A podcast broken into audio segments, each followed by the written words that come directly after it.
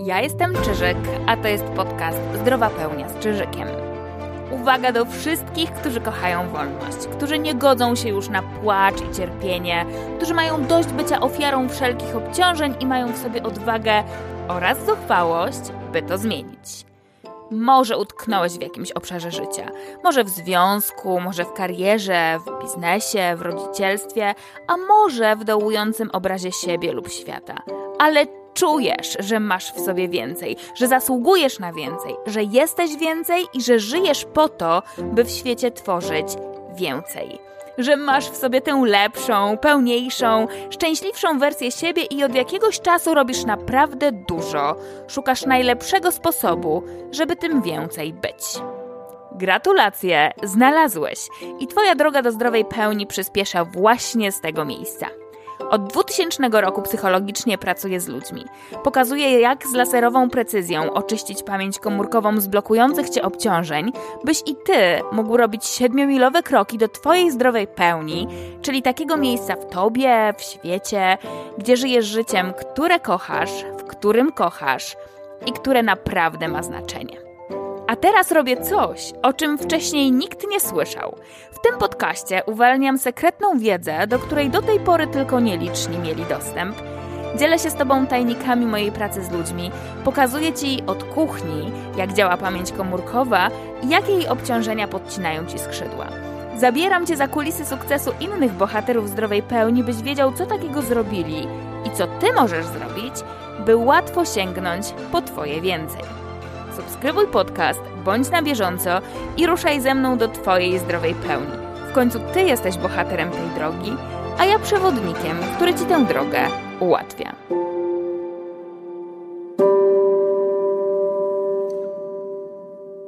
Cześć! Cieszę się, że tutaj jesteś. Dzisiaj wspólnie pomówimy o kolejnym, trzecim elemencie naszego modelu Ruszaj do zdrowej pełni, czyli o sabotażystach wewnętrznych. Jak pobędziesz ze mną do końca tego odcinka, to na pewno dowiesz się, co ja mam na myśli mówiąc sabotażysta wewnętrzny w kontekście pamięci komórkowej. Dowiesz się, kiedy ten sabotażysta zaczyna wchodzić w rolę sabotażysty, bo tak naprawdę wyjściowo wcale takiej roli nie pełni. Dowiesz się też, w jaki sposób ten sabotażysta się w nas znajduje, jak to się dzieje, że się nawzajem jakby przyciągamy, oraz dowiesz się, co w ramach narzędzi zdrowej pełni, uwalniając pamięć komórkową, robimy, aby pozbyć się problemów, które przez takich wewnętrznych sabotażystów są generowane. Zaczynając zatem od samego początku. Co lub kto może sabotować, może coś nam zepsuć wewnątrz omnipotentnej komórki macierzystej, pojedynczej komórki, która jest taką jakby wyjściową biologiczną matrycą wszystkiego, co nam się dzieje i w obszarze fizycznym, w całości ciała, i w obszarze psychologicznym, a nawet w obszarze duchowym. Co wewnątrz tej komórki może się takiego dziać, że tam się mogą różne rzeczy zepsuć?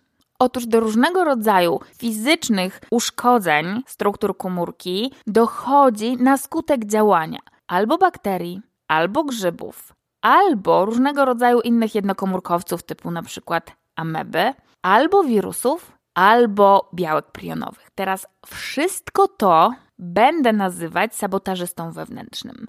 Tutaj jest bardzo ważna kwestia rozróżnienia, ponieważ jednokomórkowe bakterie, które żyją w nas lub na nas, jednokomórkowe grzyby, które żyją w nas lub na nas, oraz wirusy, nawet jeżeli nie są organizmami żywymi, są klasyfikowane jako mikrobiom, który nam towarzyszy przez życie i który jest częścią naszego organizmu. Co więcej, jest tak dużą częścią nas, że wiele źródeł naukowych podaje, że na jedną naszą komórkę, komórkę Homo sapiens, przypada 10 razy więcej komórek obcych. Ostatnimi czasy, a dokładnie w 2016 roku, naukowcy zmierzyli się z tym stosunkiem ilościowym i okazało się, że no, udało się prześledzić cytowania aż do lat 70., do pierwszego artykułu, kiedy ten stosunek ilościowy 1 do 10 się pojawił. I jak przyjrzeć się tym badaniom, na bazie których naukowcy do takiego wniosku doszli, okazuje się, że no nie były one zbyt rzetelne i ten stosunek ilościowy był podany tak trochę na oko. Ale w 2016 roku w związku z tym zmierzono się z tym problemem, przeliczono, przebadano raz jeszcze i zgodnie z tymi nowymi danymi okazuje się, że naszych komórek wewnątrz naszego ciała jest 3 razy 10 do 13, natomiast komórek mikrobiomu jest 4 razy 10 do 13.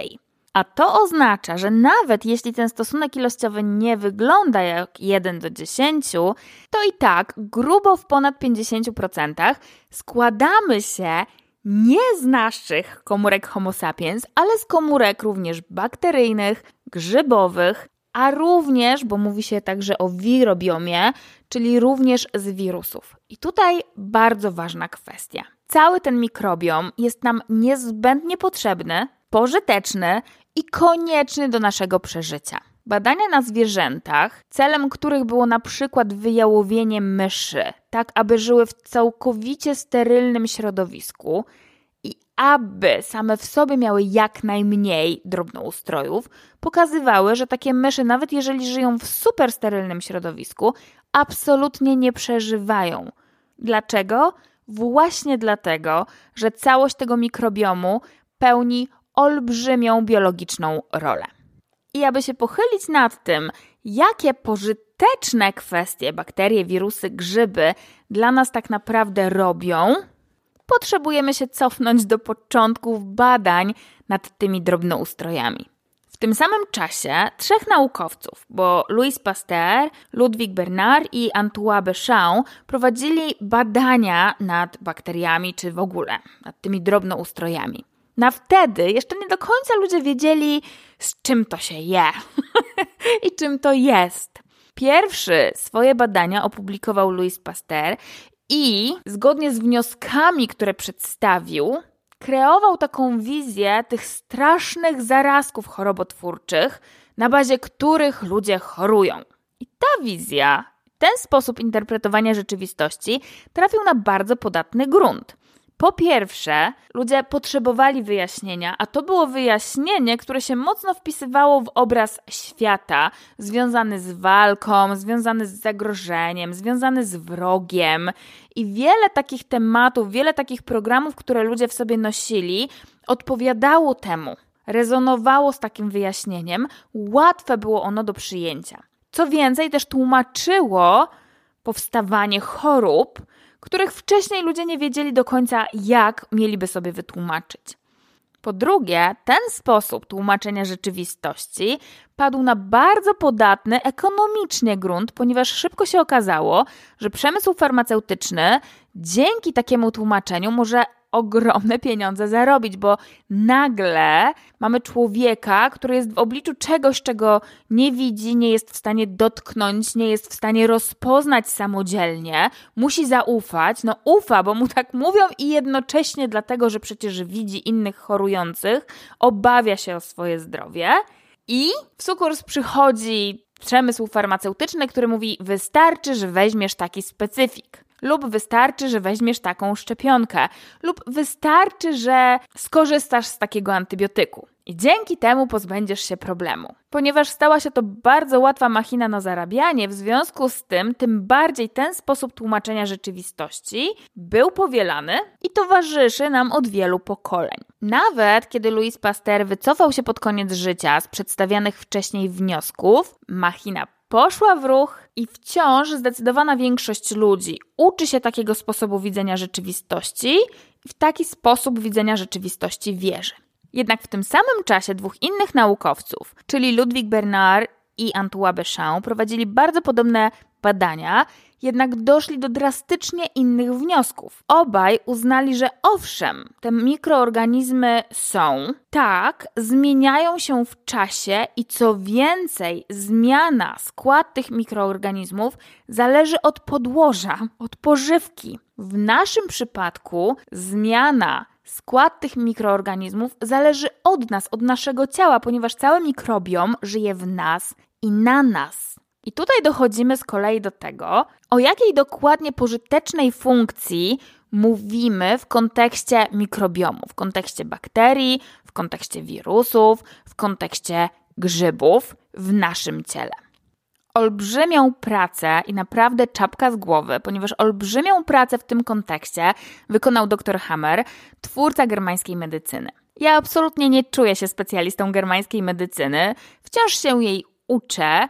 Coraz bardziej zaczyna mnie ona fascynować, ponieważ w bardzo wielu obszarach idzie ręka w rękę z tym, o czym już wiemy, mając wiedzę na temat pamięci komórkowej. Jeśli w pewnym momencie poczujesz, że chcesz wiedzieć więcej na temat medycyny germańskiej, to ja osobiście uczę się jej od Małgorzaty Lorenz i szczerze polecam. A tymczasem podam Ci jeden przykład, na bazie którego chcę, żebyś zwrócił, żebyś zwróciła uwagę na to, jak dużą rolę, pozytywną rolę pełni dla nas ten mikrobiom. Wyobraź sobie, że masz do czynienia z kimś, kto żyje w ciągłej presji czasu, kto ma takie wewnętrzne poczucie, że z niczym nie jest w stanie zdążyć, że jest w takim poczuciu ciągłego pędu i brakuje mu na wszystko czasu. W takim biologicznym konflikcie zaczyna działać nasza tarczyca. Tarczyca produkuje tyroksynę. Gdyby ten człowiek miał tyroksyny więcej w swoim organizmie, wówczas miałby szybszą przemianę materii i w związku z tym miałby też więcej zasobów do tego, aby na przykład wykonywać szybsze ruchy albo móc szybciej biegać. Generalnie mógłby zdążyć. Czyli byłaby to odpowiedź na jego wewnętrzny stan, zgodnie z którym on ma poczucie, że nie jest w stanie się z niczym wyrobić. Teraz ciało, reagując na jego emocje i na jego wewnętrzne przekonania, zaczyna produkować dodatkowe komórki wydzielnicze w obszarze tarczycy. Kiedy ich jest coraz więcej i więcej, to klasyczna medycyna zdiagnozuje gruczolaka takiego podobnego do kalafiora i funkcją tego guza jest dokładnie to, aby produkować więcej tyroksyny, żeby właśnie przyspieszyć tempo przemiany materii. I jest to zasadne tak długo, jak człowiek rzeczywiście żyje w poczuciu pędu, w poczuciu braku czasu. Ale jeśli ten biologiczny konflikt zostanie zażegnany i wówczas człowiek żyje w spokoju, w przepływie, nic go nie goni, to w takich warunkach nadprodukcja tyroksyny najzwyczajniej w świecie byłaby strzałem w kolano. I właśnie wtedy przychodzą nam z ratunkiem mikroorganizmy. No bo jakby nie patrzeć, ten gruczolak już urósł. Co znaczy, że nasza tarczyca już jest wyposażona w dodatkowe komórki wydzielnicze. Jak się ich pozbyć? Jak doprowadzić do równowagi? Właśnie wtedy w sukurs przychodzą mykobakterie i serowacenie tego guza. Czyli ciało samoreguluje wszelkie zmiany narządowe, ale do tej samoregulacji potrzebuje mikrobiomu. Jest on niezbędny do tego, aby nasze ciało harmonijnie reagowało na sytuacje biologiczne, które my przeżywamy idąc przez życie. Okazuje się, że jest to po prostu najzwyczajniej w świecie potrzebne nam do przetrwania i do przeżycia. I gdy te konkretne bakterie zredukują już ten guz, wyżrą to, co już jest niepotrzebne, ciało znowu kontroluje ten proces i o ile wcześniej te mykobakterie się namnożyły, aby móc zredukować tego gruczolaka, o tyle teraz ciało kontrolując ten proces trochę przykręca kurek i mówi: Dobra, okej, okay, już wystarczy. już nie potrzeba was więcej. Teraz, okej, okay, sobie tutaj przezimujecie, poczekacie, może kiedyś jeszcze będziecie potrzebne. I w takich warunkach te bakterie rzeczywiście ograniczają swoją populację i na stand-by czekają kolejnego momentu, kiedy będą potrzebne. I w ten sposób w bardzo wielu miejscach naszego ciała różne rodzaje bakterii, grzybów, wirusów, różne elementy tego mikrobiomu są przez nas wykorzystywane. Są niezbędne do tego, abyśmy my, jako jednostki i jako gatunek, mogli przeżyć. Ten proces współpracy jest tak znaczący, że w wielu momentach rozwojowych, bardzo, bardzo wczesnych momentach rozwojowych, tak wczesnych, że mówimy wręcz o momentach przed powstaniem gamet, z których potem my się wzięliśmy, w bardzo wielu momentach rozwojowych świadomość planetarna Gai łączy nas, tak nas po prostu kuma z konkretnymi mikroorganizmami. Jeśli chcesz wiedzieć więcej o świadomości planetarnej Gai i jaką ona rolę pełni w naszym uwolnieniu i w naszym ubogaceniu, to zapraszam Cię do takiego odcinka podcastu, kiedy będziemy mówić o A w naszym modelu Ruszaj do zdrowej pełni, czyli o aktywacji sił leczących. Tymczasem natomiast skoncentrujemy się na tych sabotażystach.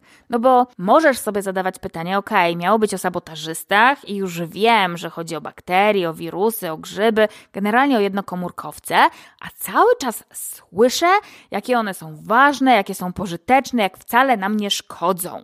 No to gdzie tu miejsce na sabotaż? Ok, i tutaj zaczyna się ten mikropromil przypadków, dlatego że owszem, zdecydowana większość, no niemalże cały mikrobiom, który w nas mieszka i żyje, jest nam niezbędnie potrzebny.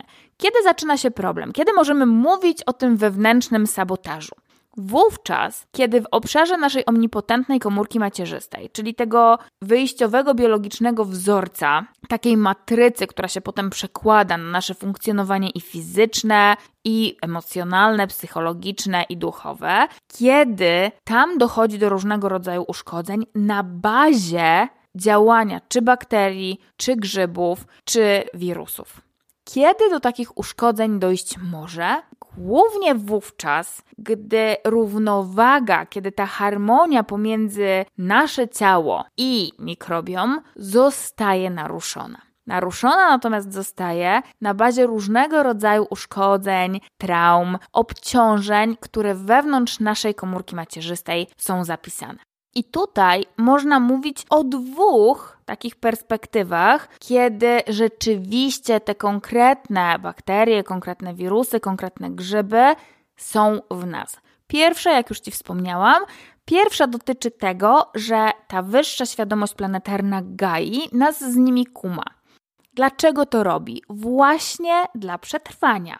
Czasem się śmieję, że wśród ludzi, jak nie wiadomo o co chodzi, to głównie chodzi o pieniądze, a w naturze, jak nie wiadomo o co chodzi, to zawsze chodzi o przetrwanie. Dlatego, kiedy drobinki nas wchodzą w konkretny moment rozwojowy, biologiczny i wchodzą już z konkretnym zapisem jakiejś traumy czy jakiegoś programu, Ok, jeśli się odwołać do wcześniejszego przypadku, mogę mieć ten temat typu właśnie z niczym nie zdążam. Zawsze jestem pod presją czasu. Cokolwiek bym nie robiła, to nie jestem w stanie zdążyć. Jeśli ja wchodzę w jakiś konkretny moment rozwojowy już z takim obciążeniem, to świadomość planetarna Gai, wiedząc, że ja już to w sobie noszę, Wie również, że abym mogła przetrwać z takim zapisem, będę potrzebować tych mykobakterii. I dlatego w różnych momentach rozwojowych ratunkowo Gaia łączy nas z rozwiązaniem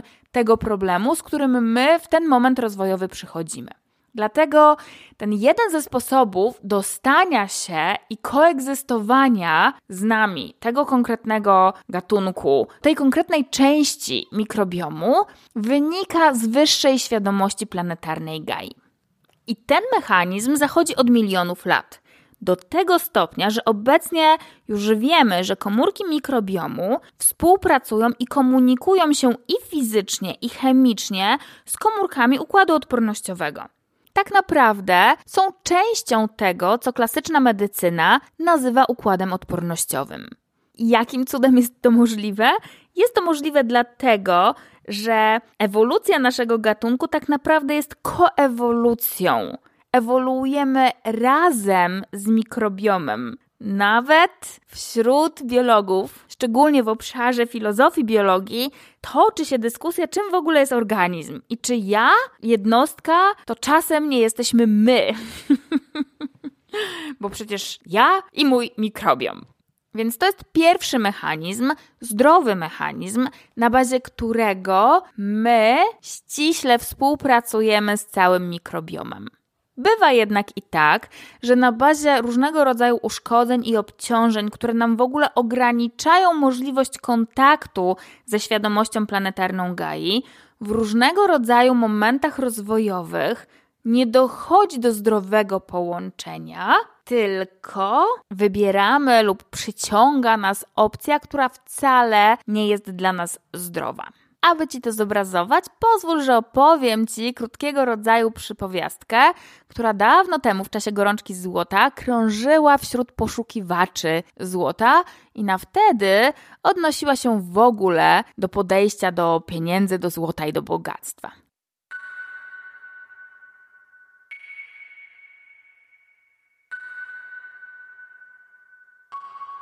Dawno, dawno temu, w bardzo biednej rodzinie, urodziło się dwunaste dziecko. Kolejna gęba do wykarmienia. I od początku nikt nie dawał mu wielkich szans na przeżycie, bo w ogóle było takie chuchro. Cienkie rączki, cienkie nóżki, ziemisto-żółta cera, włosy, które często wypadały i uśmiech, który jakby miał za mało zębów. Ale wbrew temu, co wszyscy naokoło prorokowali, chłopiec rósł i kostucha jakoś go nie zabierała. Nie można jednak powiedzieć, żeby rósł w obfitości czy dostatku. Wręcz przeciwnie.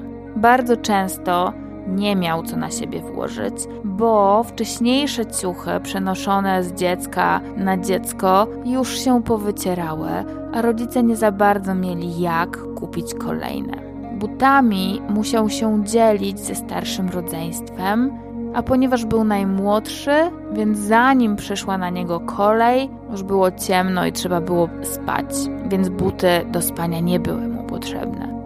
Z dzieciństwa chłopiec najlepiej wspominał te dni, kiedy przypadał jego dyżur na pasanie jedynej krowy, jaką mieli bo wówczas na pastwisku, niezauważony przez nikogo, czasem mógł skorzystać z jej mleka. I to były najpiękniejsze momenty, bo przynajmniej przez jakiś czas wydawało mu się, że jego brzuch jest pełny. Jak tylko trochę podrósł, to rodzice wysłali go do pierwszej, do drugiej, do kolejnej pracy, żeby mógł się na coś przydać i trochę grosza do domu przynieść. I grosza jest tutaj słowem kluczem, bo bez względu na to, co robił, te jego zarobki nigdy nie były wysokie i zawsze były dzielone przez wiele gęb do wykarmienia. I chłopiec rósł z takim jednym głównym marzeniem, że kiedyś, nie wiedział dokładnie kiedy, ale że kiedyś będzie tak bogaty, że będzie miał tyle krów i tyle mleka, żeby jego brzuch zawsze był pełny.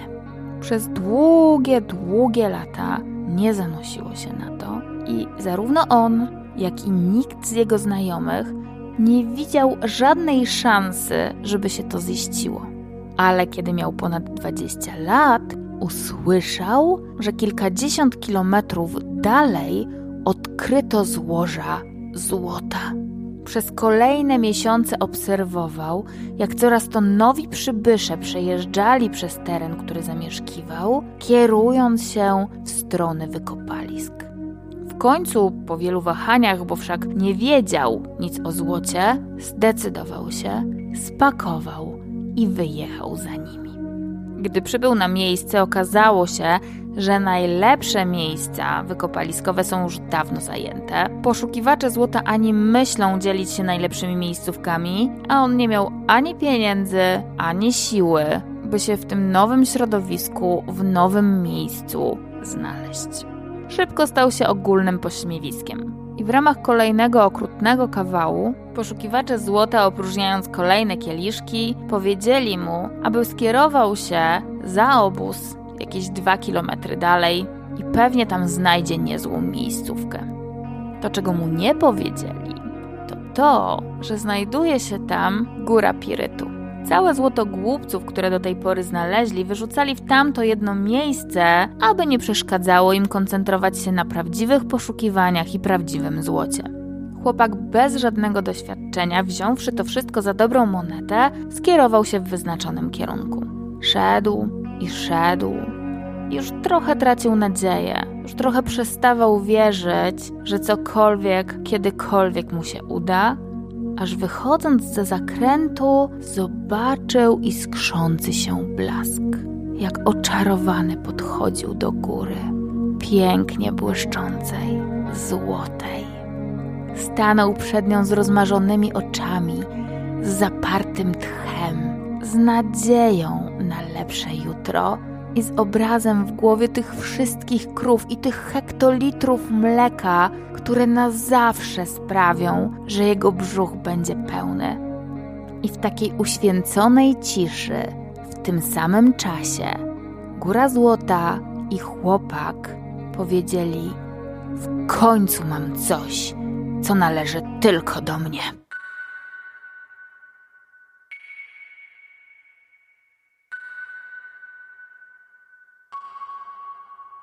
Opowiadam Ci tę historię, ponieważ ona w rewelacyjny sposób pokazuje ten niezdrowy mechanizm przyciągania się pomiędzy nami a tymi sabotażystami wewnętrznymi. Ona dokładnie pokazuje ten mikropromil przypadków, który dotyczy sabotażystów, a nie zdrowego współdziałania pomiędzy nami i mikrobiomem. Jak się skoncentrujesz na konkretnych częściach tej opowieści, to zauważysz, że ten moment wspólnego przyciągania widać dopiero na samym końcu, kiedy jedno i drugie mówi, że nareszcie mam coś, co należy tylko i wyłącznie do mnie. Co oznacza, że pewnego rodzaju lgnięcie jest i po stronie tego chłopaka, i po stronie tej góry.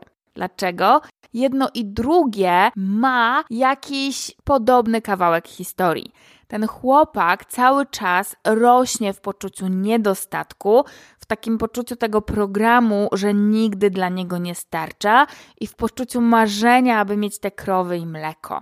I cokolwiek robi przez te 20 parę lat życia, nigdy nie jest w stanie zrealizować tego marzenia. Zawsze jest w tym programie niedostatku, w tym programie, że zawsze jest za mało cały czas ten aktywny program, to aktywne obciążenie powoduje jego niezdrowe lgnięcie do zaspokojenia tejże potrzeby, do rozwiązania tego problemu. Po drugiej stronie mamy górę złota głupców, które też zostaje wyrzucone, niechciane, odrzucone przez poszukiwaczy złota, aby nie przeszkadzało.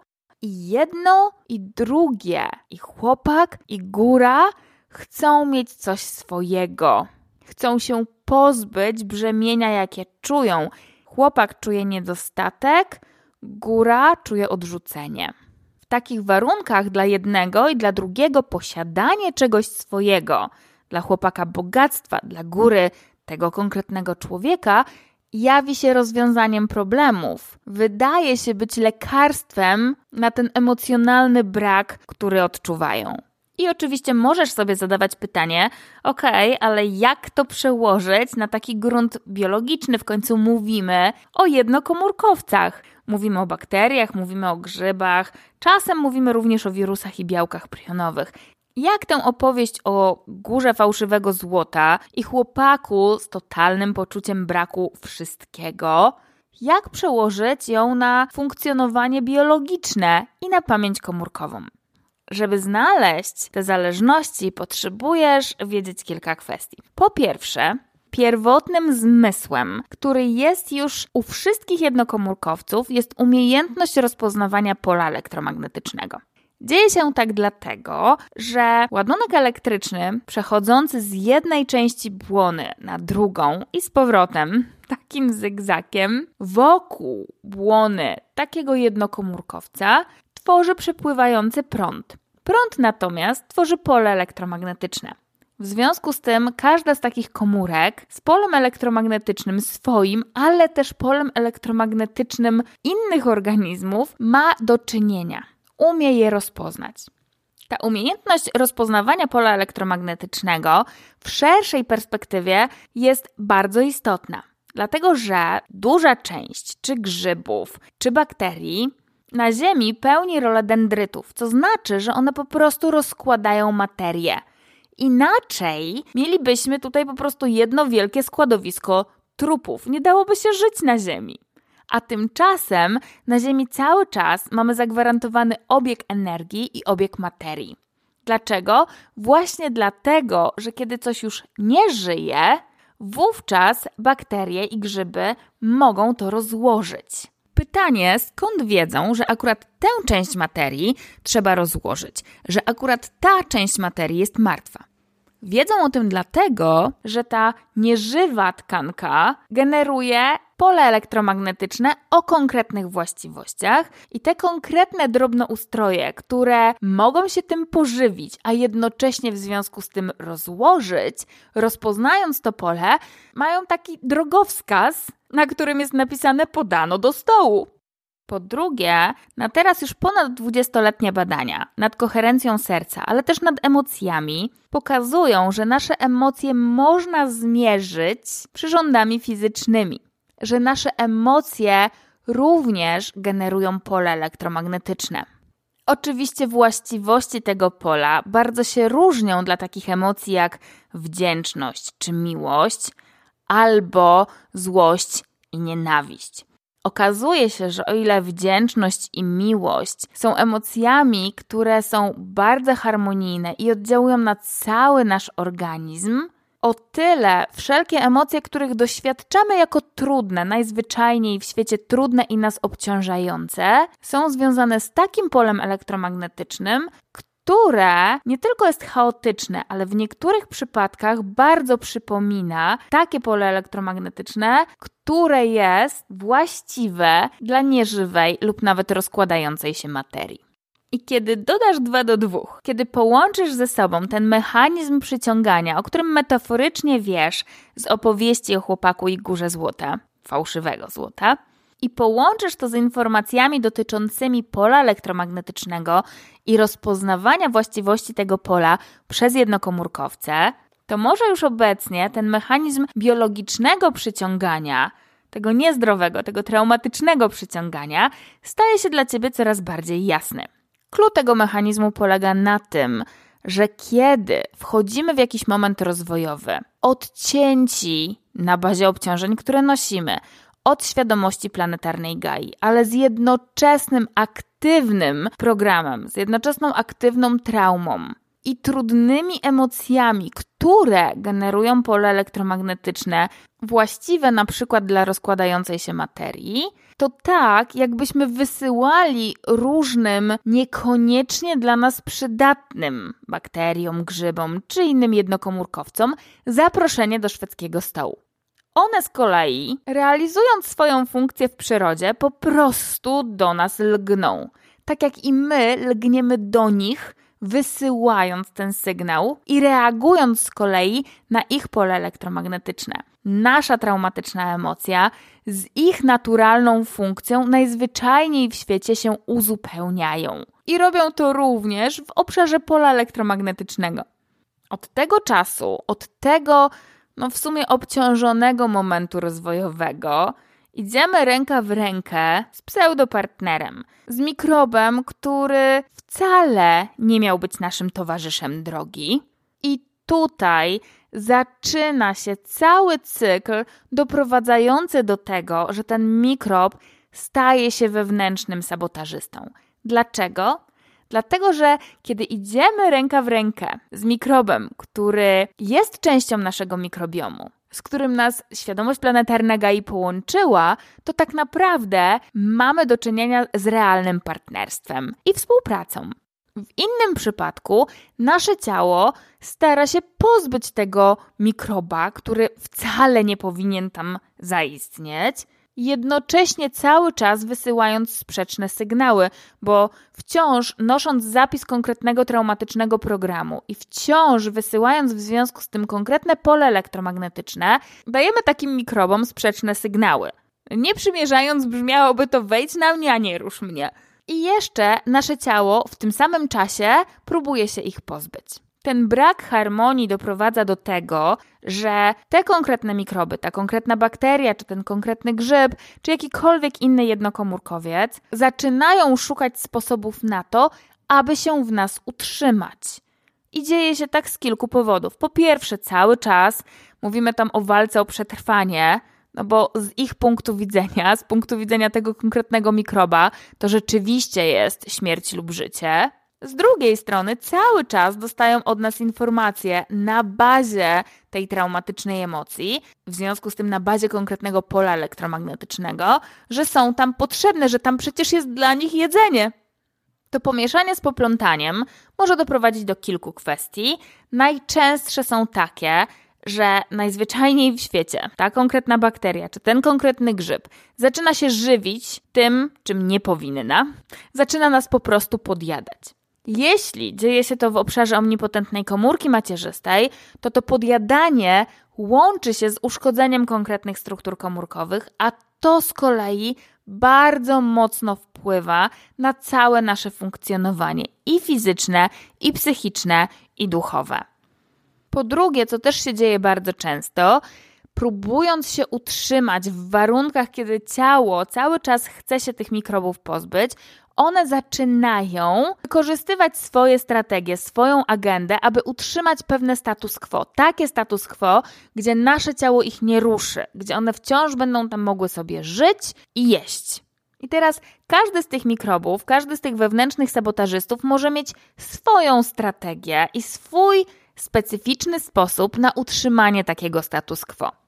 Jedną z takich strategii może być wytwarzanie takich związków, które chemicznie będą na nas wpływać w taki sposób, że ty możesz mieć takie poczucie, że nie masz energii, nie masz motywacji, nie masz chęci do działania, a nawet jeśli już się zmusisz, to to wszystko jest takie trudne i tak długo się musisz za coś zabierać.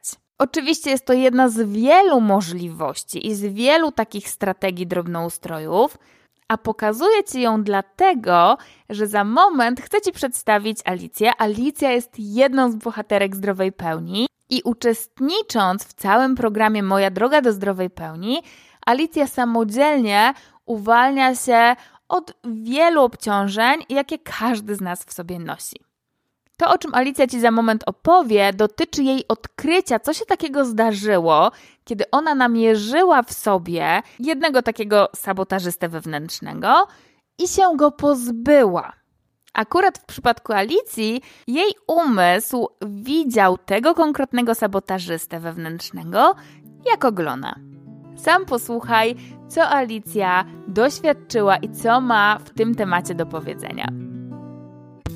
Ale to jest w ogóle niesamowity ten pasożyt, tak? Ale przynajmniej jakieś mam korzyści z tego, że się tam tyle narobiłam, że usunęłam jakiegoś pasożyta. Ale dzięki temu zobaczyłam, ile pasożyt może w życiu nam napsuć. To prawda. Niesamowite. A to się ludziom wydaje, że takie po prostu, wiesz, pierdółka, nie? Co to jest jakiś jednokomórkowiec? Jakiś glon i to ten glon mi robił najwięcej, nie jakieś tam inne te takie, co mi się wydawały gorsze, tylko ten glon, bo on pokrywał wszystko. Ja się czułam w życiu taka zamulona, jakbym miała spowolnione reakcje. No jakbym w tym mule była, no wszystko mm. się zgadza, to ja to tak i to tak jakby fizycznie reagowałam, no bo ten mózg ciała był zamulony. Dokładnie. Wszystko teraz kumam, po prostu, że inni tacy wyrywni i w ogóle hop do przodu, a ja tyle mi schodziło, zanim podjęłam to działanie, a teraz ja po prostu robię. I ja zauważyłam po tym, że jestem bardziej wydajna w pracy, że nawet ja w ogóle dostałam takiego przypływu energii, że ja spałam dwie godziny tylko, dwie i pół godziny e, w nocy z piątku na sobotę ja cały czas tłukę te procesy po prostu, no z jakimiś tam przerwami, ale dostałam takiego przypływu energii po usunięciu tego glona, że po prostu ja nie wiem, co się dzieje. I w ogóle mam taką chęć na robienie i tu do pracy robię i tu. Ja mówię, kurde, ja całe życie zamulona byłam, tam był jakiś glon. Więc to był pierwszy pasożyt z tych wszystkich, który dał mi zmiany w życiu i ona, nie wiem, czy ona się zmniejszy, ale na razie jest znacząca. Więc z tego się cieszę. I w ogóle nie wiem, czy pasożyty mogą wpłynąć na percepcję czasu, ale może przez to, że jakby więcej działam, to lepiej ten czas kontroluję. Ja nagle się czuję, jakbym miała więcej czasu. Ja dzisiaj tyle zrobiłam, Pomijam fakt, że mało spam, ale ja dziś naprawdę dużo zrobiłam, a zawsze gdzieś to, to było jeden z, tematów, z którymi tu przyszłam, że tak czas mi przecieka przez palce i także nie mogę mi się ta organizacja poprawiła przy asocjacjach, koncentracja mi się poprawiła, ale ten czas, a tutaj nagle po prostu odkrywam, grzebiąc tam w tym przedkomórkowym mózgu takie coś. Dobra, Super, ja się bardzo cieszę z tych wskazówek, nie zniechęcam się ogromem pracy, wiem, że tego jest dużo, ale ja mam też bardzo dużo efektów.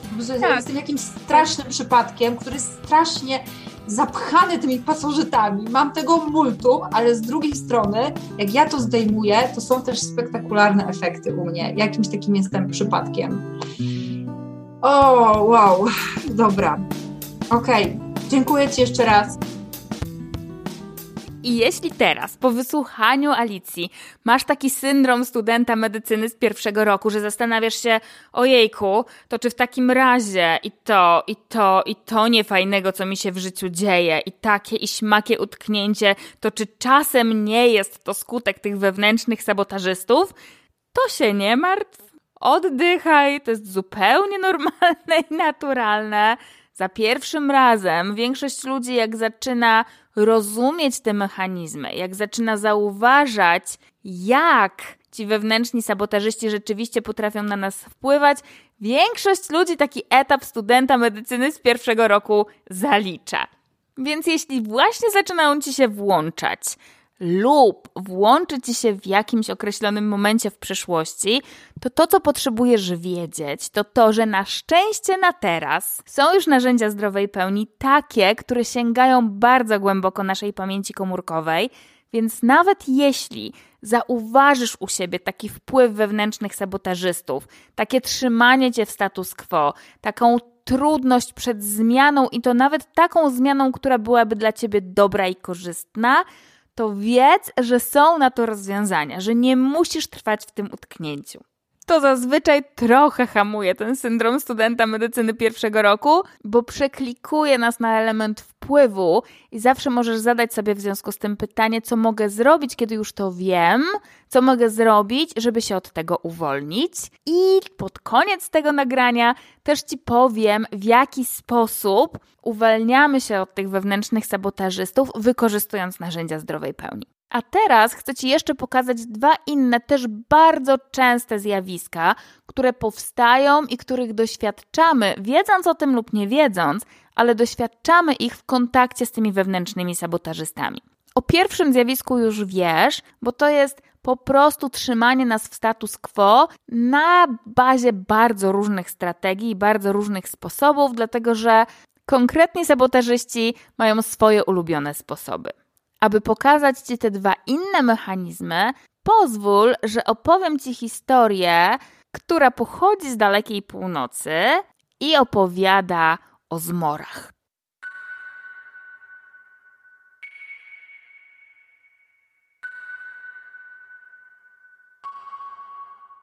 Dawno, dawno temu, w krainie ogarniętej przez śniegi i mrozy, żyło małżeństwo z cudną córeczką i jej cudnym, puszystym psem.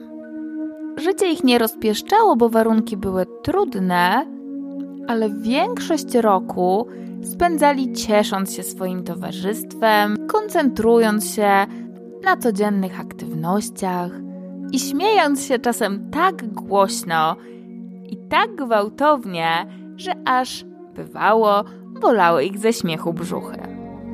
Był tylko jeden czas w roku, którego cała rodzina bardzo nie lubiła. Czas przedłużającej się nocy. Czas, kiedy nie zaglądało do nich słońce. Czas, kiedy wiał tak zimny wiatr, że często bali się, że ich domek tego nie przetrwa. Był to też czas, bardzo dziwnych głosów przeplatanych z wyciem wiatru.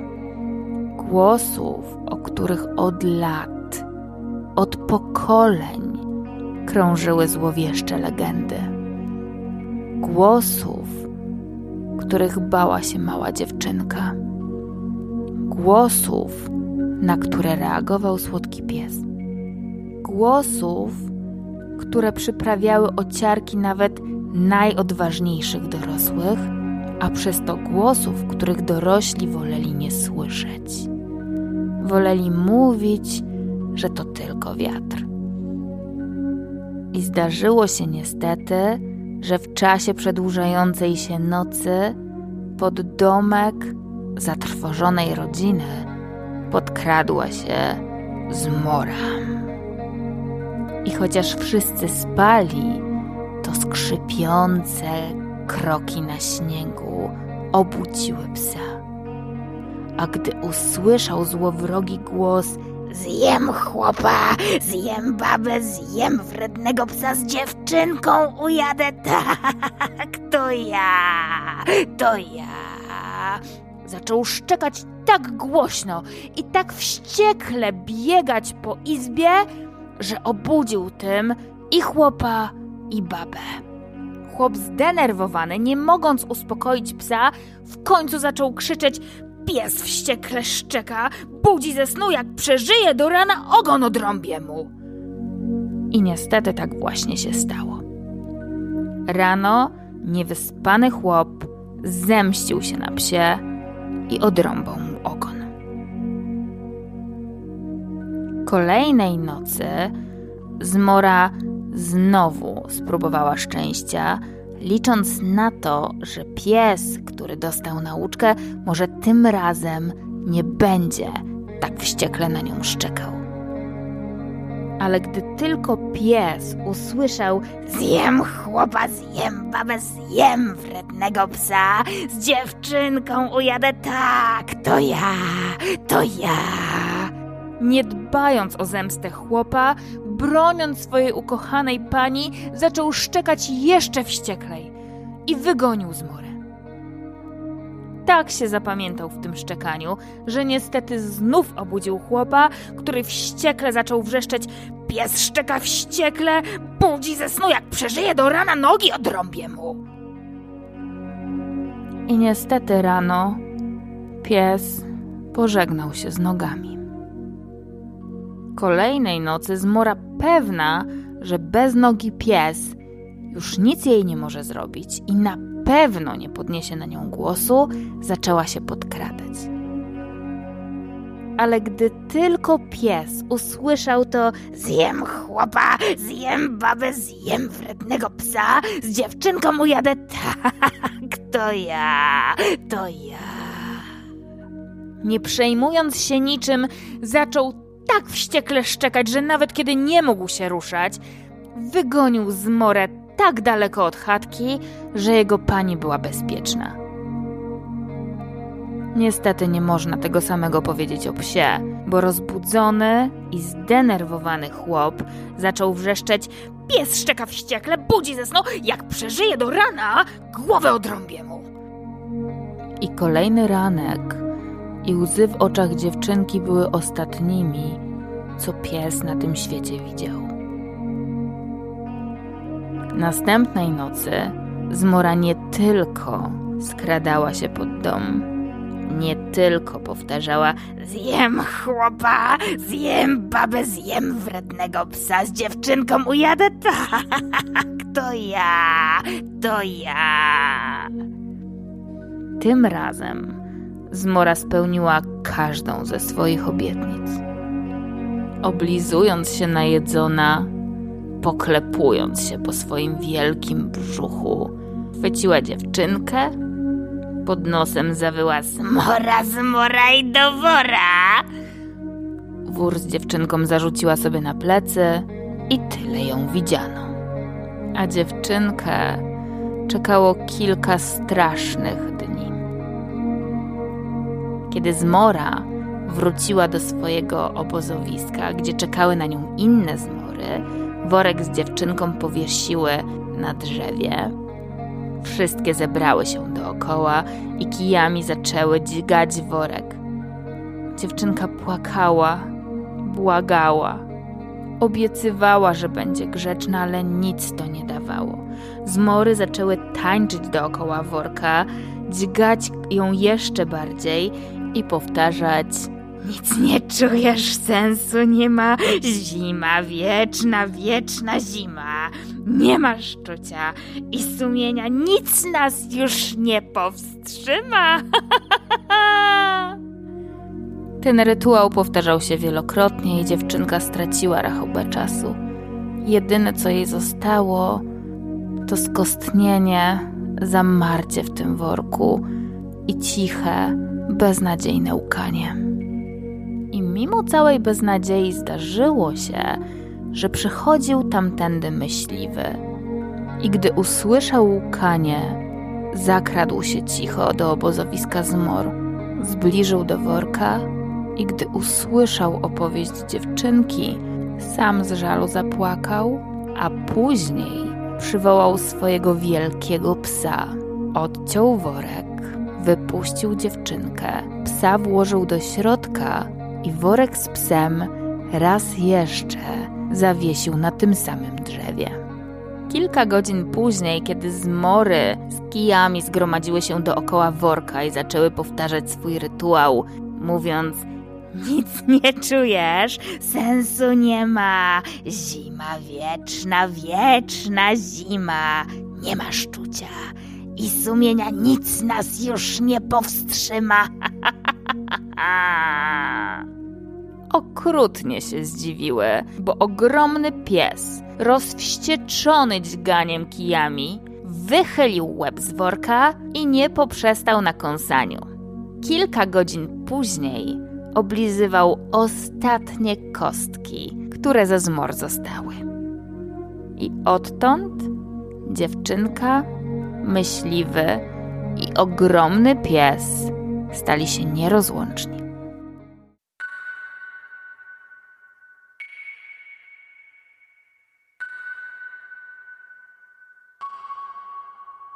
Jeśli twój zmysł detektywa już tutaj węszy i zaczyna rozpoznawać, jaka część tej opowieści pokazuje, jaką specyfikę naszej pamięci komórkowej i tej interakcji pomiędzy my a wewnętrzni sabotażyści, to jedyne co mogę zrobić, to mogę twój zmysł detektywa pochwalić. Ja Ci oczywiście za moment nakreślę i dokładnie opowiem, jak ta opowieść przekłada się na naszą rzeczywistość komórkową i interakcję z wewnętrznymi sabotażystami, ale też jestem niezmiernie ciekawa Twojego instynktu detektywistycznego, więc jeśli chcesz się podzielić Twoimi odkryciami albo swoimi rozwiązaniami tej zagadki, to jak najbardziej proszę napisz mi o tym. Możesz napisać wchodząc do grupy GPS do zdrowej pełni na Facebooku. Ciepło Cię tam zapraszam. A teraz Teraz chcę Ci pokazać przynajmniej dwa główne mechanizmy i trochę nawet jeszcze kolejnego, które ta opowieść pokazuje. Po pierwsze, reakcja dziewczynki i ta pieśń, pieśń, rytualna zmor, które mówiły: Nic nie czujesz, sensu nie ma, zima wieczna, wieczna zima, nie masz czucia i sumienia, nic nas już nie powstrzyma oraz reakcja dziewczynki, która skostniała i w takiej beznadziei jedynie łkała, zamknięta w worku, pokazuje bardzo specyficzną interakcję naszej świadomości ze świadomością tych wewnętrznych sabotażystów. Ponieważ część z tych sabotażystów może być w obszarze omnipotentnej komórki macierzystej, czyli tam, gdzie znajdują się nasze kryształki świadomości, to kiedy taki kryształek, jeden, drugi czy piętnasty, zostanie pochłonięty przez na przykład bakterię, to odczucie jest niemal takie same jak dziewczynki, która jest zamknięta w worku. I jednocześnie jest to odczucie nie tylko fizyczne tego zamknięcia, ale to też jest odczucie psychiczne i emocjonalne, które człowiek wówczas przeżywa. Na przykład takie skostnienie, zamrożenie, niemożność ruszenia się, takiego życiowego podjęcia działania czy ruchu. Dodatkowo może być to poczucie beznadziei, że nic nie warto, że i tak się nic nie uda, że wszystko jest bez sensu. Lub zlanie się naszej świadomości ze świadomością jednego czy drugiego sabotażysty wewnętrznego może doprowadzić do tego, o czym zmory mówiły, że nie masz czucia i sumienia więc nic nas już nie powstrzyma. I wtedy, jeśli nasza świadomość zlewa się z taką świadomością tego czy innego mikroba, który wszedł w taką sabotującą rolę, wówczas rzeczywiście ludzie zaczynają się zachowywać tak, jakby nie mieli sumienia rzeczywiście jakby tracili ten ludzki wymiar i swoim działaniem zaczynają realizować w życiu nie swoją agendę, tylko agendę tego czy innego sabotażysty wewnętrznego, z którym akurat zlali się świadomością. W takich sytuacjach działanie według motta po trupach do celu jest jak najbardziej naturalne, bo wszak nie masz czucia i sumienia, nic nas już nie powstrzyma. I to jest kolejny wymiar problemów, które ci wewnętrzni sabotażyści mogą w naszym życiu powodować. Ale ta historia pokazuje jeszcze jeden, a mianowicie, nie wiem, pewnie tak. pewnie twój zmysł detektywistyczny sam ci to podsunął, że w tej opowieści dużą rolę odgrywa pies. I ten mały, który stał w obronie dziewczynki, a potem ten wielki, który ją rzeczywiście obronił i zjadł zmory.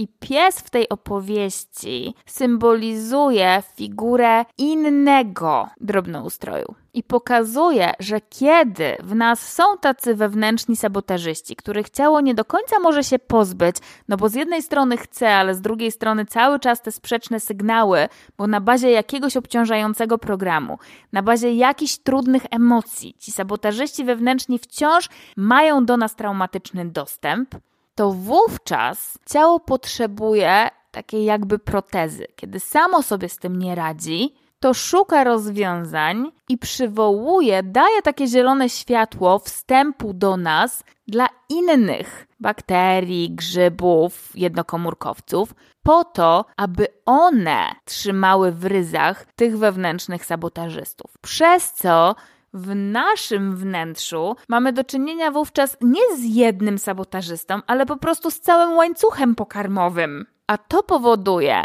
i fizyczne konsekwencje, zdrowotne, w tym jak się czujemy, jakie mamy odczucia z ciała, jak dysponujemy energią, jak się starzejemy lub młodniejemy, ale też konsekwencje emocjonalne, psychologiczne, bo już wtedy nie mówimy o jednym dodatkowym sabotażyście, tylko mówimy o ich różnych rodzajach, oddziałujących na nas w bardzo różny sposób. Dlatego, że to, co miało być rozwiązaniem, pięć kroków później jest po prostu pogłębieniem problemu.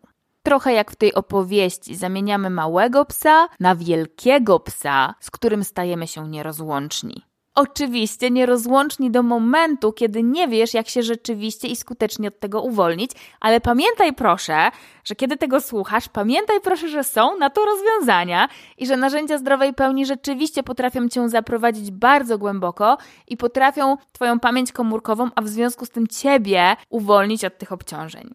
Czasem jeszcze w obszarze naszej omnipotentnej komórki macierzystej odgrywa się kolejna warstwa tego problemu, tej opowieści reprezentowana trochę przez tego myśliwego, a mianowicie część z tych bakterii czy grzybów jest przez naszą omnipotentną komórkę macierzystą traktowane trochę jak remedium na zaistniałe problemy i na wszelkie wyrządzone zło.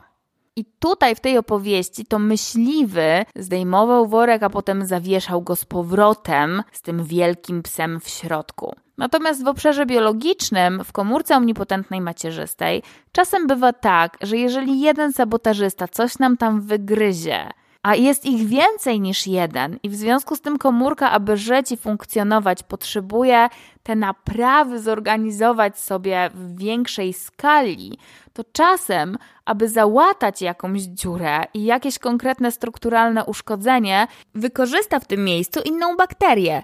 Użyje jej niczym korka lub plastra, aby dziurę zakryć. Czy mogłaby ją po prostu sobie samo uzdrowić? Tak, mogłaby. Tylko kiedy tych uszkodzeń jest więcej, to czasem warto coś zakorkować, aby zająć się czymś innym, co na teraz jest priorytetem, i jednocześnie nie doprowadzić przez to zakorkowanie do pogłębienia się problemu. I kiedy taki mechanizm zaczyna się dziać wewnątrz naszej omnipotentnej komórki macierzystej, kiedy on się zaczyna dziać właśnie w kontekście no, w sumie współpracy, choć traumatycznej, ale jednak współpracy pomiędzy naszą komórką omnipotentną macierzystą, a na przykład konkretną bakterią, to ta bakteria przyjmuje taką rolę tego myśliwego i również staje się dla nas nierozłączna. A pamiętaj proszę, że wciąż mówimy o akurat takich drobnoustrojach, które nie musiały w nas być, gdyby nie fakt, że przyciągnął je do nas jakiś konkretny program, jakieś konkretne obciążenie, które w sobie nosimy. Bo akurat te bakterie, te grzyby, te wirusy czy priony, które się w nas pojawiają na bazie tych obciążających nas programów, to nie są drobnoustroje, z którymi naturalnie Gaja by nas połączyła. To są sabotażyści, z którymi się łączymy, ponieważ zachodzi między nami taka interakcja, jak między chłopakiem a fałszywym złotem. I kiedy już to wiemy, to teraz czas na jedno chyba z ważniejszych pytań, a mianowicie, skoro tak i skoro ta interakcja wcale nam nie służy, a co więcej nas obciąża, to jak się od niej uwolnić? I znowu, twój instynkt detektywistyczny mógł już podczas całego tego nagrania zebrać różne tropy, bo je skrzętnie tutaj rozrzuciłam. Więc twój zew detektywa tak mógł już się domyślić, co możesz zrobić, żeby się od takich wewnętrznych sabotażystów uwolnić. Aby dać ci taki koronny trop, opowiem ci jeszcze jedną historię. Historia pochodzi z Afryki i jest znana wśród bushmenów zamieszkujących okolice pustyni Kalahari.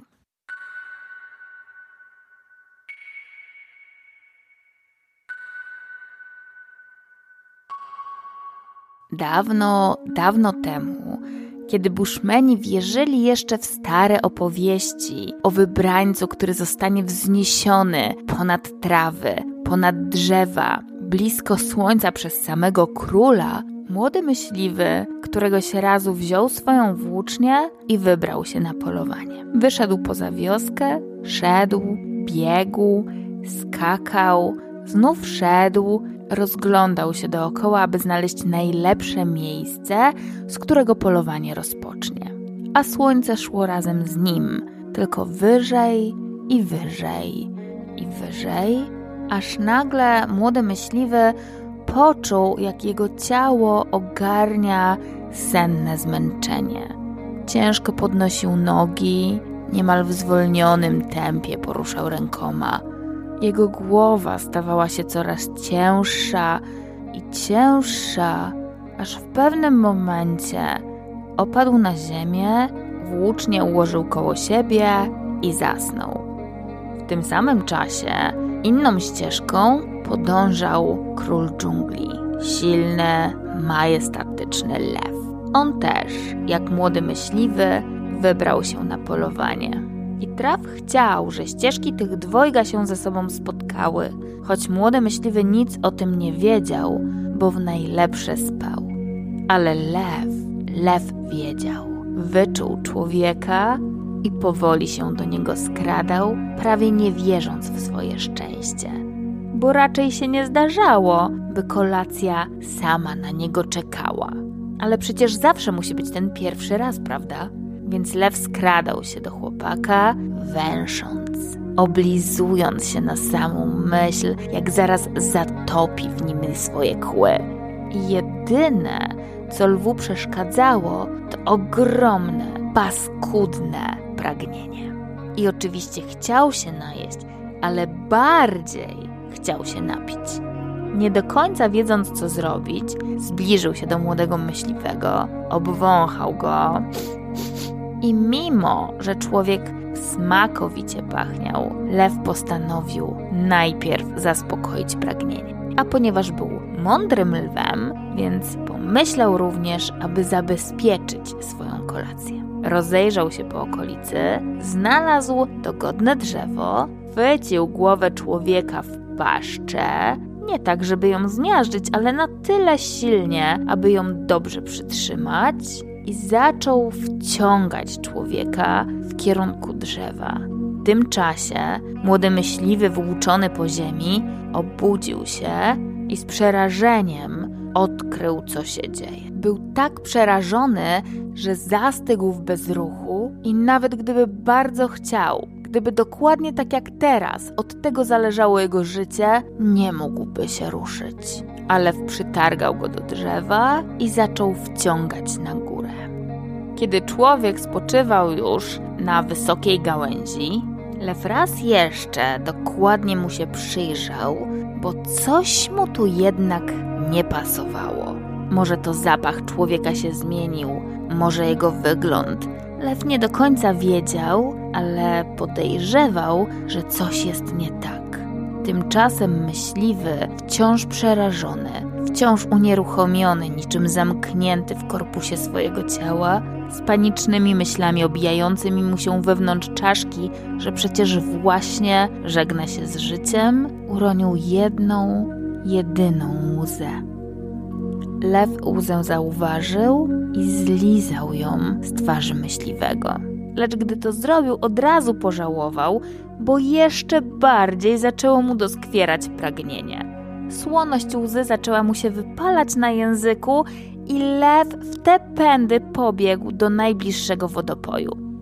Myśliwy jeszcze przez jakiś czas nie mógł zrobić ruchu, ale kiedy po kilku, kilkunastu minutach przekonał się, że lew już raczej nie wróci, zaczął odzyskiwać władzę w rękach i w nogach, w końcu podniósł się, zszedł z drzewa i najszybciej jak potrafił zaczął biec w kierunku wioski. Przeskakiwał kamienie, ocierał się o kolczaste gałęzie, ale o nic nie dbał, byle tylko najszybciej, jak najszybciej do domu. Oszalały patrzył za siebie, czy lew czasem nie wraca i znów przed siebie, bo bał się, że pomyli drogę albo że się potknie i lew jednak wróci i skończy to, co zaczął. Nie czuł rąk, nie czuł nóg, nie czuł wiatru na skórze. Jedyne, co czuł, to obijające się wewnątrz czaszki myśli do domu, do domu, do domu. I gdy w takim pędzie przekroczył ogrodzenia wioski, dopadł pierwszego myśliwego, tego, którego znał najbardziej i mówił zostałem wzniesiony, zostałem wzniesiony, a od niego pobiegł do starszej kobiety, zostałem wzniesiony, wzniesiony!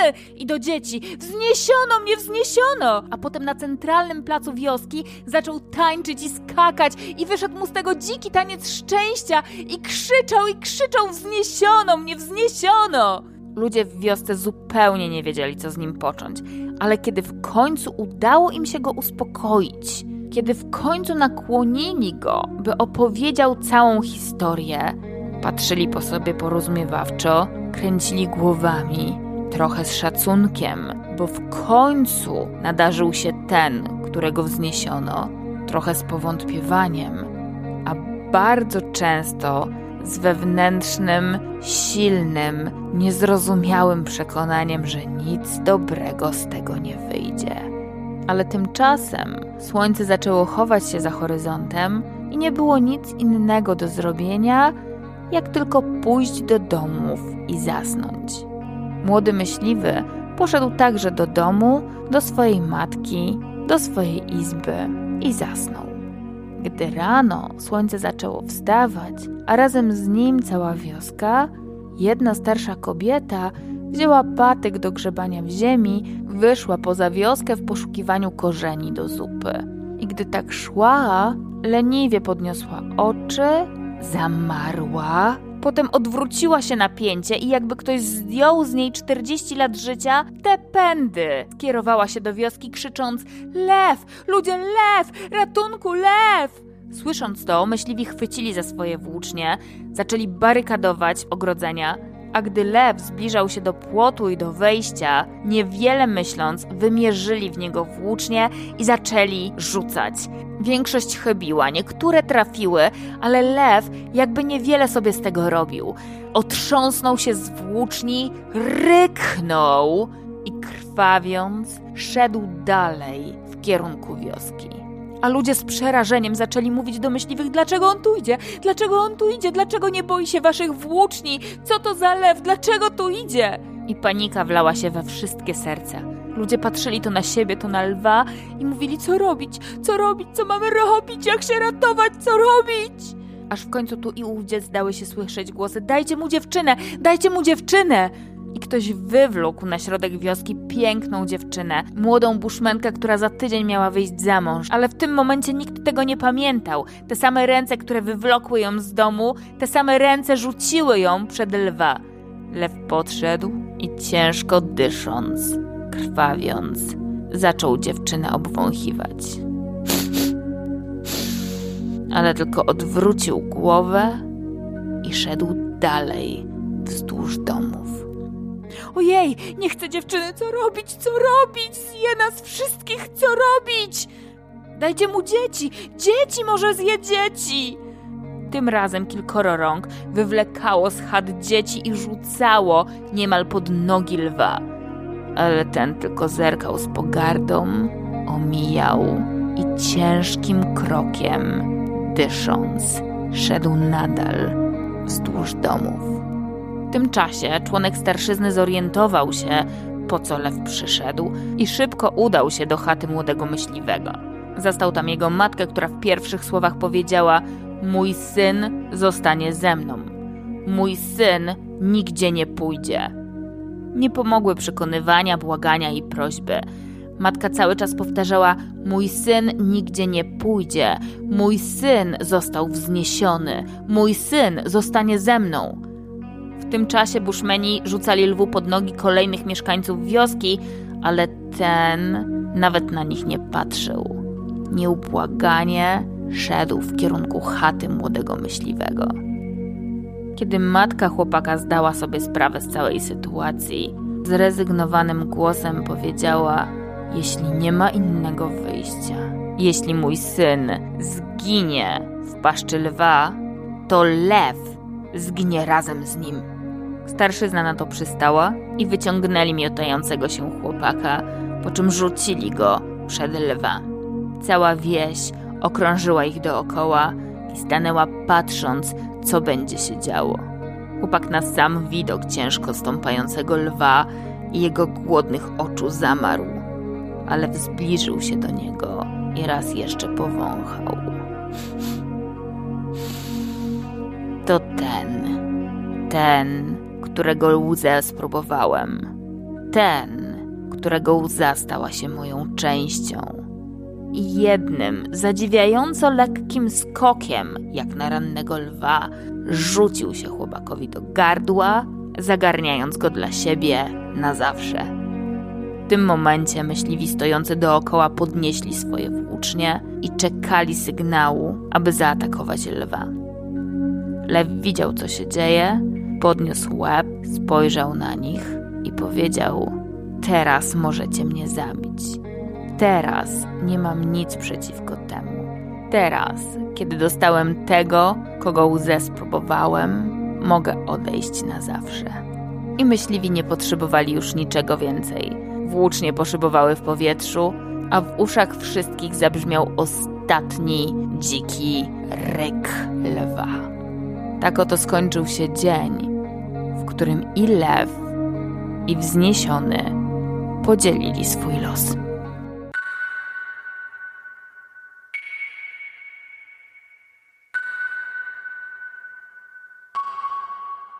I jak twój pęd detektywistyczny ma się po tej opowieści? Masz już wszelkie tropy i wiesz, co zrobić, aby na poziomie pamięci komórkowej uwolnić się od tych wewnętrznych sabotażystów? Podejrzewam, że tak, ale dla porządku jeszcze to podsumuję. Pierwsza rzecz, którą robimy i którą mogłeś już pozbierać z wcześniejszych tropów, to to, że skoro ci wewnętrzni sabotażyści mają do nas dostęp na bazie różnego rodzaju obciążeń i programów, które w sobie nosimy, a które ich do nas przyciągają, to pierwsza rzecz, którą możemy zrobić tak stój teraz, to namierzyć te konkretne programy i się od nich uwolnić. O namierzaniu i rozpoznawaniu programów było w odcinku R, a uwolnieniu było przy okazji U. No dobrze. Natomiast po co ja w związku z tym, bo o tym już mogłeś wywnioskować z wcześniejszych tropów, po co ja w związku z tym opowiedziałam Ci jeszcze dodatkowo tę historię? Ano po to, że w przypadku niektórych sabotażystów wewnętrznych, których w sobie nosimy, nie wystarczy jedynie uwolnić się z tych obciążających programów. W przypadku niektórych z nich trzeba się wrócić do pierwotnego źródła, do tej pierwotnej sytuacji, do tego pierwszego momentu rozwojowego, w którym to po raz pierwszy mieliśmy z nimi do czynienia. Do tego momentu, od którego idziemy z nimi razem przez życie. I ta opowieść Bushmanów żyjących w okolicy pustyni Kalahari jest dokładnie o tym. Ona opowiada o lwie, patrz, tym takim sabotażyście, który spotkał się z młodym myśliwym i został przez niego naznaczony. Nawet nie przez niego, ile przez tą łzę. To, co jeszcze pokazuje ta opowieść, to to wzniesienie czy wyniesienie. I to wyniesienie ponad trawy, drzewa, blisko słońca przez samego króla w tamtym kręgu kulturowym może być odbierane niemalże jak świętość. Dlaczego w związku z tym to jest istotne w tej opowieści?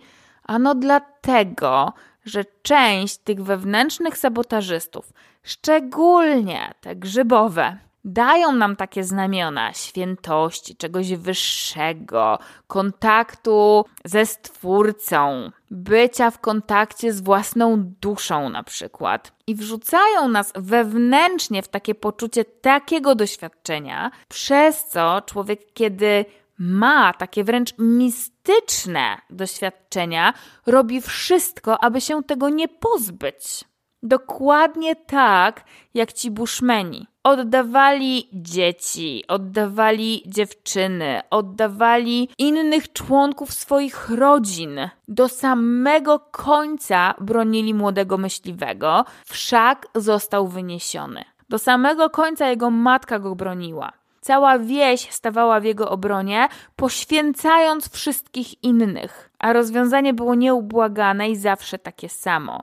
Lew wrócił, ponieważ pierwszy moment, kiedy został naznaczony wspólną drogą, był wtedy, kiedy łza myśliwego wżarła się w niego. Pierwszy moment, kiedy myśliwy został naznaczony lwem i ich wspólną drogą, był wtedy, kiedy lew wziął go w swoją paszczę i zaczął taszczyć w kierunku drzewa. I bywa tak, że dla uwolnienia się od konkretnych, szczególnie tych właśnie grzybowych, wewnętrznych sabotażystów, potrzebujemy nie tylko namierzyć programy, na bazie których one w ogóle miały do nas dostęp, ale zregresować się do absolutnie pierwszego momentu, w którym to mieliśmy z nimi do czynienia, i w tym konkretnym momencie uwolnić wszystkie obciążenia i uwolnić siebie od tych dodatkowych nakładek, na przykład związanych ze świętością, wzniosłością czy jakimkolwiek innym mistycznym doświadczeniem, aby w konsekwencji po takim uwolnieniu móc wrócić do siebie, do swojej zdrowej pełni, do naszych zdrowych zasobów bez różnego rodzaju fałszywych, mistycznych przykrywek. No dobrze, tym sposobem po dzisiejszym spotkaniu wiesz, myślę, że wiesz, czym ci wewnętrzni sabotażyści z poziomu naszej pamięci komórkowej są, jak mogą na nas wpływać, kiedy w ogóle sabotażystami się stają, bo przecież nie muszą, ale kiedy się stają, jak mogą na nas wpływać i jakie problemy w związku z tym może to generować w naszym życiu, a nawet wiesz, jakie są dwa sposoby, aby się od nich uwolnić, po to, żeby być coraz bliżej swojej zdrowej pełni, czyli takiego miejsca w tobie w życiu, gdzie możesz się dwoma rękoma podpisać pod tym, że tak, żyjesz życiem, które kochasz, w którym kochasz i które naprawdę ma znaczenie. Ja natomiast niezmiennie jestem ciekawa tego, co dla siebie najważniejszego wynosisz z tego odcinka. I jeśli chcesz się tym ze mną podzielić, to zapraszam Cię do facebookowej grupy GPS do zdrowej pełni. Daj znać, co ty na te wszystkie rewelacje i jak twój zmysł detektywistyczny tutaj w ramach tego odcinka się zachowywał i które tropy podejmował. Tymczasem mam nadzieję, że ten wspólny czas przybliżył Cię jeszcze bardziej do wiedzy, że trwanie w życiowym utknięciu to największa głupota. Traumy i obciążenia zabijają marzenia, a pełne i na stałe Uwolnienie od nich Twojej pamięci komórkowej jest najlepszą drogą do Twojej zdrowej pełni. Ja trzymam zatem kciuki za Twoje kolejne siedmiomilowe kroki do Twojej zdrowej pełni, czyli takiej przestrzeni w Tobie, w świecie, w której możesz się dwoma rękoma podpisać pod tym, że tak, żyjesz życiem, które kochasz, w którym kochasz i które naprawdę ma znaczenie. Bye.